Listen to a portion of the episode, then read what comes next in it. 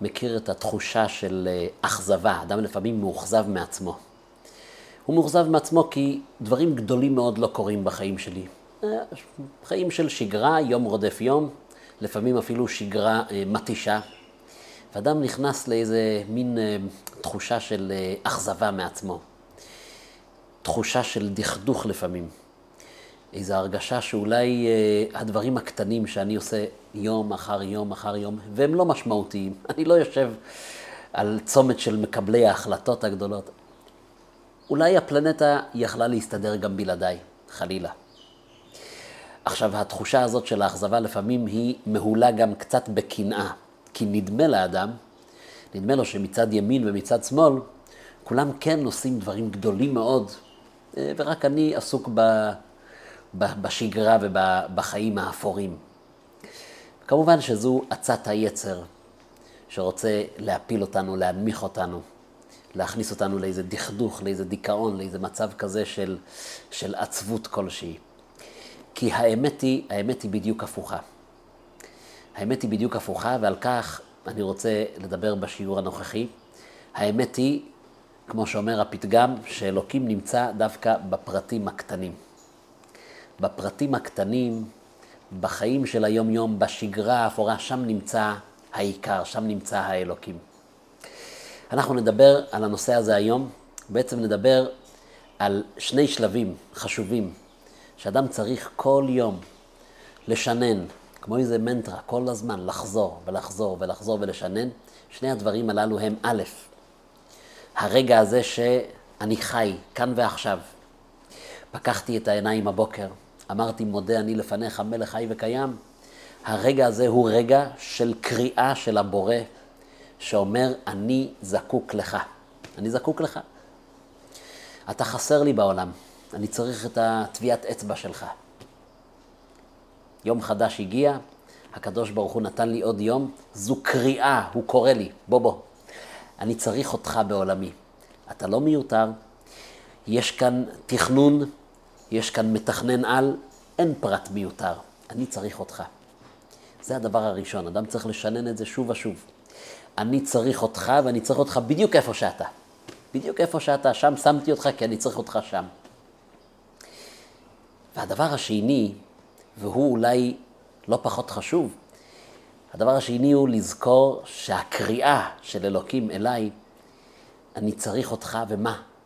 מה, מה, מה אתה רוצה ממני? לא דברים גדולים, לא הוא-ה ולא מהפכות. הקדוש ברוך הוא אומר, אני צריך אותך בכאן ובעכשיו. אני צריך שאתה תעשה את הדברים הקטנים שאתה עושה. אני זקוק שאתה תהיה שותף שלי לשפר את העולם, להיטיב לעולם, לרומם את העולם. ואיך? במעשה אחד קטן של כאן ועכשיו. שתבחר את הבחירה הנכונה עכשיו. לא עם תכנון, לא מי יודע מה. אני לא ביקשתי ממך לבנות, אני מבקש ממך את הכאן ואת העכשיו, now. וכדי להיכנס אה, לנושא הזה, נושא הגדול והחשוב הזה, אני רוצה לדבר על מתן תורה. כי מתן תורה זה בהחלט הרגע שהקדוש ברוך הוא קרא לעם ישראל כאומה ואמר, אני זקוק לכם.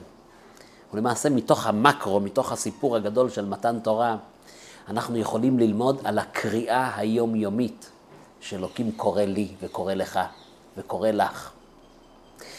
ולפני שנתחיל, אני רוצה לבקש בקשה קטנה. אנחנו כל שבוע מעלים תוכן חדש עם איזשהו מסר לחיים בערוץ היוטיוב הזה, ואני מבקש שתירשמו לערוץ, מתחת לסרטון יש את הכפתור של ההרשמה, עם הפעמון גם. תוכלו להיות מעודכנים בתוכן חדש שעולה, ותעזרו לי להגיע לאלף מנויים כדי לפתוח עוד אופציות חדשות של היוטיוב. אם כן, אנחנו נכנסים לנושא של מתן תורה. ולפעמים, מרוב שאנחנו עוסקים בפרטים של הטקס הגדול והמדהים הזה שנקרא מתן תורה, הקולות והברקים והשופרות, ואיפה עמד משה רבינו, ואיפה עמדו אהרון, ואיפה עמדו הזקנים, וירד השם על הר סיני, וה... זה היה מופע מדהים. ומרוב פרטים, אנחנו לפעמים שוכחים להתמקד בפרט אחד חשוב, והוא הסיפור עצמו. אלוקים בורא העולם, התגלה אלינו, התגלה לעם ישראל, התגלה לנבראים. היש נס גדול מזה? אין בהיסטוריה נס גדול מזה. כדי להסביר קצת איזה דימוי, דמיינו לכם, מתכנת שכתב תוכנה. כתב תוכנה. כתב תוכנת מחשב, איזה משחק. כל המשחק כולו, שהוא משחק בנוי מהמון שלבים ומהמון פרטים, יש שם עולמות שלמים שהשחקנים הקטנים במחשב, וזה הכל פרי יצירה של אותו המתכנת, זה הכל קוד. ודמיינו לכם שהמשחק הזה מתנהל, ויום אחד המתכנת מחליט לעשות את הבלתי אפשרי ובלתי יאומן, ולפרוץ את הפער בין הקוד שהוא כתב אותו ובין העולם האמיתי, והוא מכניס את עצמו דרך המסך הזה, של, הוא, הוא מכניס את עצמו פנימה לתוך המחשב. היש נס גדול מזה? הנס הזה של מתן תורה הוא הנס הכי גדול, כי העולם כולו הוא, הוא יצירה של הקדוש ברוך הוא. והוא בא ושבר את כל המוסכמות, וניפץ את כל, ה, את כל הזכוכיות, את כל ההגבלות, והכניס את עצמו בתוך המשחק. וירד השם אל הר סיני. הקדוש ברוך הוא יורד אל הר סיני. זה הדבר הכי מדהים שיש. אז ברוב שאנחנו עוסקים בפרטים, אנחנו לפעמים שוכחים את העיקר. הקדוש ברוך הוא פנה אלינו, הוא אומר, אני זקוק לכם, אני רוצה אתכם שותפים שלי. הקריאה הזאת היא הדבר הכי מדהים שיש. זה במקרו, אבל האמת היא שזה במיקרו גם כן קיים. כי כל אדם, אם הוא רק יפתח את האנטנה הנכונה, אם הוא רק יהיה מוכן להיות כלי, והוא מביט ימינה ושמאלה, והוא רואה בטבע, הוא רואה בבריאה, הוא רואה את טביעת האצבע של אלוקים. את הקריאה של אלוקים שאומר, אני זקוק לך. אם אדם מתבונן בחיים שלו, והוא יתבונן איך שהחיים שלו, יש בהם איזשהו חוט שני, יש בהם איזשהו סדר. יש השגחה פרטית, ואין מקרה. מקרה זה אותן אותיות של רק מהשם.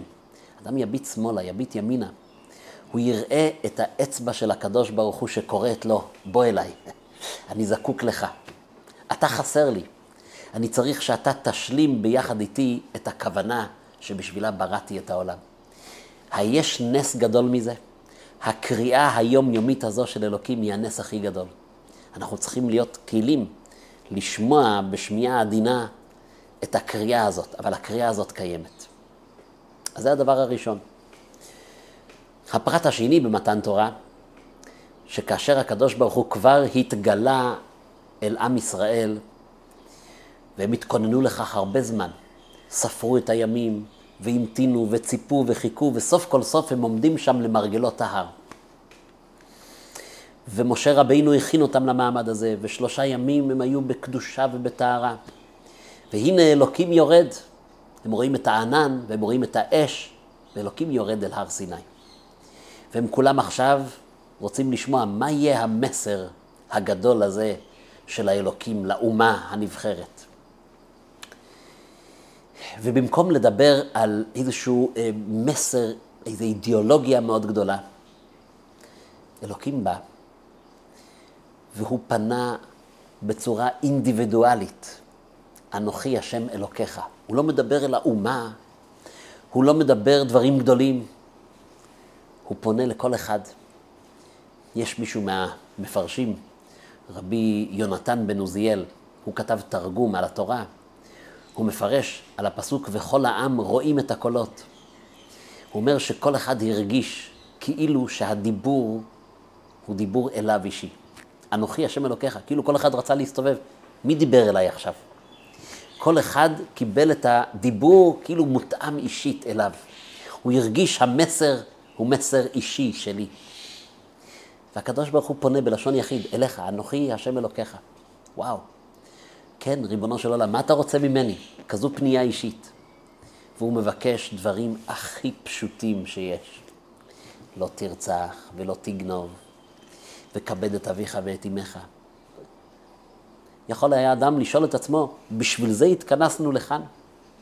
אני חשבתי שאתה, ריבונו של עולם, תדבר על, על על איזו אידיאולוגיה מאוד גדולה, שתדבר עלינו, על, על המהפכה הגדולה שנדרשת מאיתנו, מעם ישראל, אבל לא.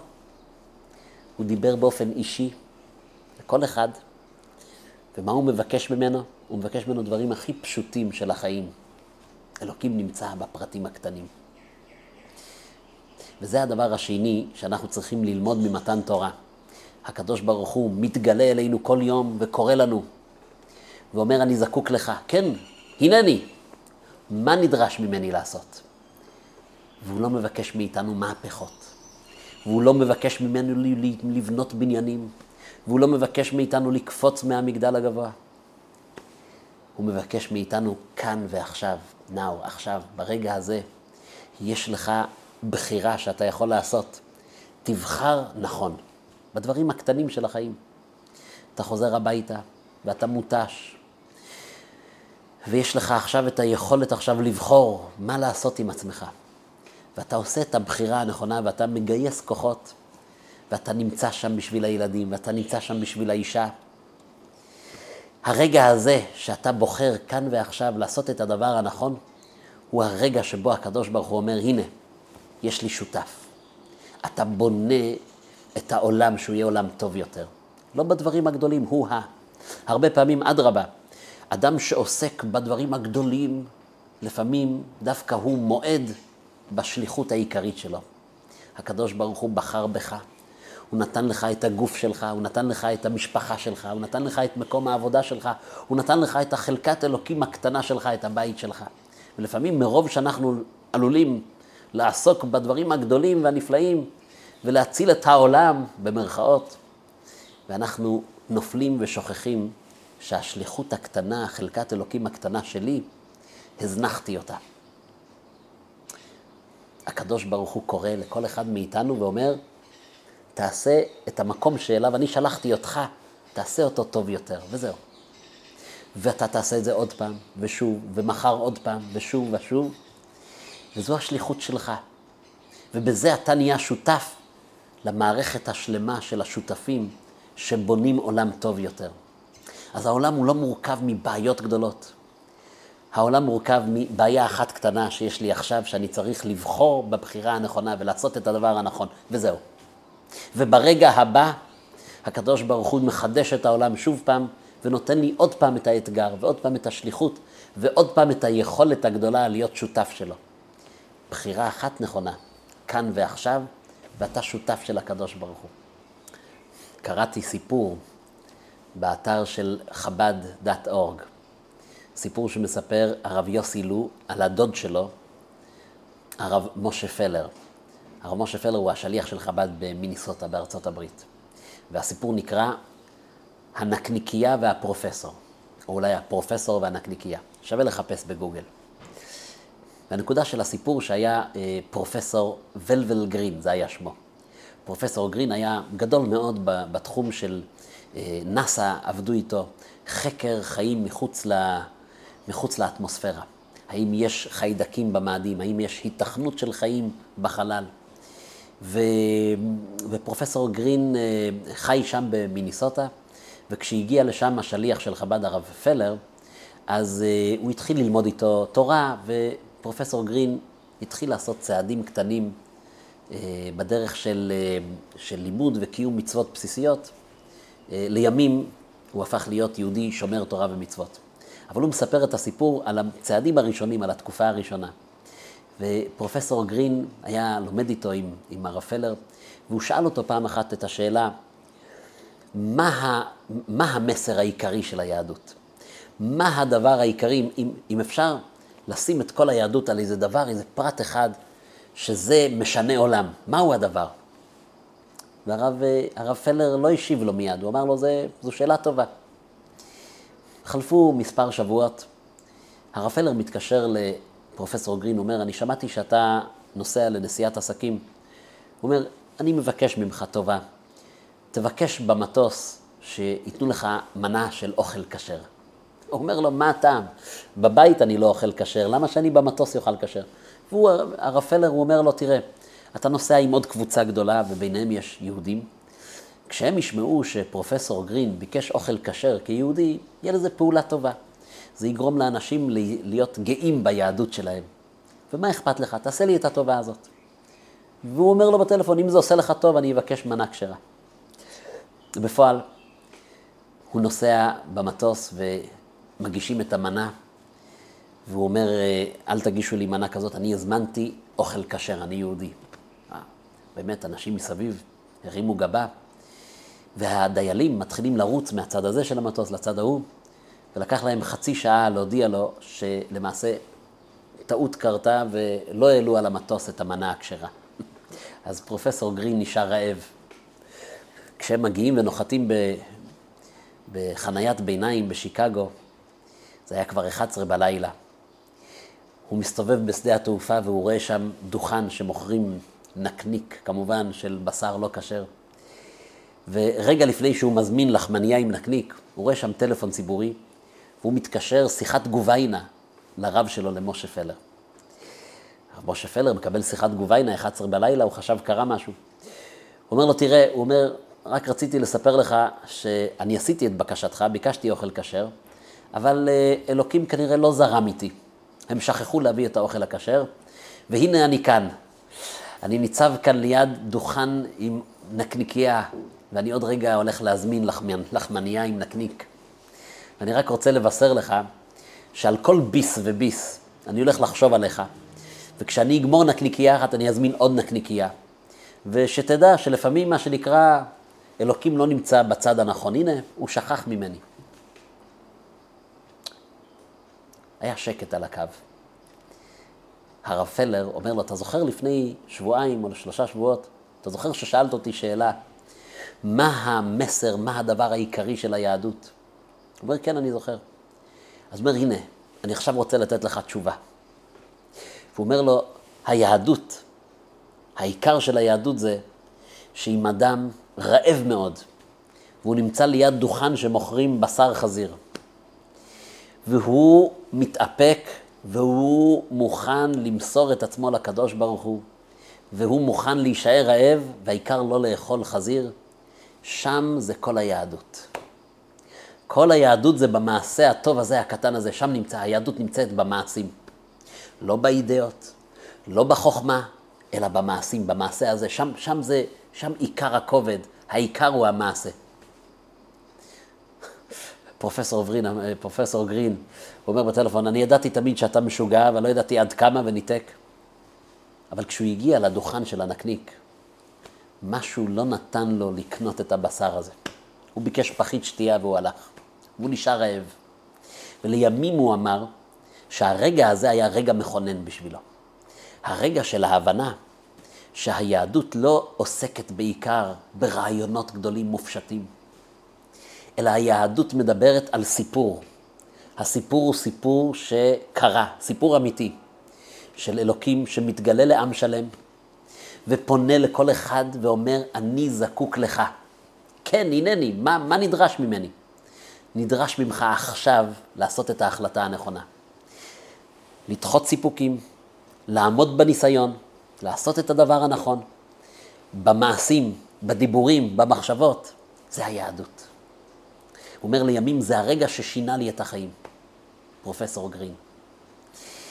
כי במקום לדבר אידיאולוגיה, במקום לדבר על רעיונות, היהדות מדברת על מעשים. היהדות מתחילה מהרגליים. לעשות, לעשות, עשייה. לעשות משהו למען העולם. לעשות משהו למען הזולת. לעשות משהו למען האלוקים. לעשות משהו למען הקהילה. ויש לך כל רגע ביום את הבחירה. האם להתעסק רק באני ובאגו ובדברים שמשרתים אותי, ולמעשה להתנתק מהיותי שליח של האלוקים?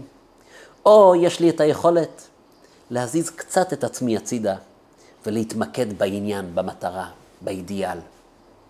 וכשאני בוחר בבחירה הזאת הנכונה, ואני מקריב מעצמי, מעצמי למען אשתי, למען הילדים, למען הקהילה, למען הקדוש ברוך הוא, ואני מוכן להישאר רעב כדי לעשות את המצווה שאני נדרש לה, זה הרגע שבו אני חייב לציין לי צל"ש גדול ולזכור, הנה זכיתי להיות שותף של הבורא. אנחנו, כהכנה לחג השבועות, אנחנו קראנו את הפרקים של פרקי אבות, ובכל פרק סיימנו עם המשנה. רבי חנניה בן הקשיא אומר, רצה הקדוש ברוך הוא לזכות את ישראל, לפיכך הרבה להם תורה ומצוות. מה זה אומר הרבה להם תורה ומצוות? שהקדוש ברוך הוא נתן לנו הרבה מצוות, כמה זה הרבה? 613 זה הרבה. אז אם הוא רצה לזכות אותנו ולתת לנו הרבה מצוות, למה הוא לא נתן לנו אלף מצוות? או אלפיים מצוות? הקדוש ברוך הוא לא יכל לתת לנו אלפיים מצוות? שלושת אלפים מצוות? מי אמר ש-613 זה, לא, זה הרבה ו-200 זה לא מספיק הרבה? אז מפרשים על כך ואומרים שההרבה, לא הכוונה כמות של מצוות. הכוונה היא שהיהדות בכל מצווה הכניסה כל כך הרבה פרטים.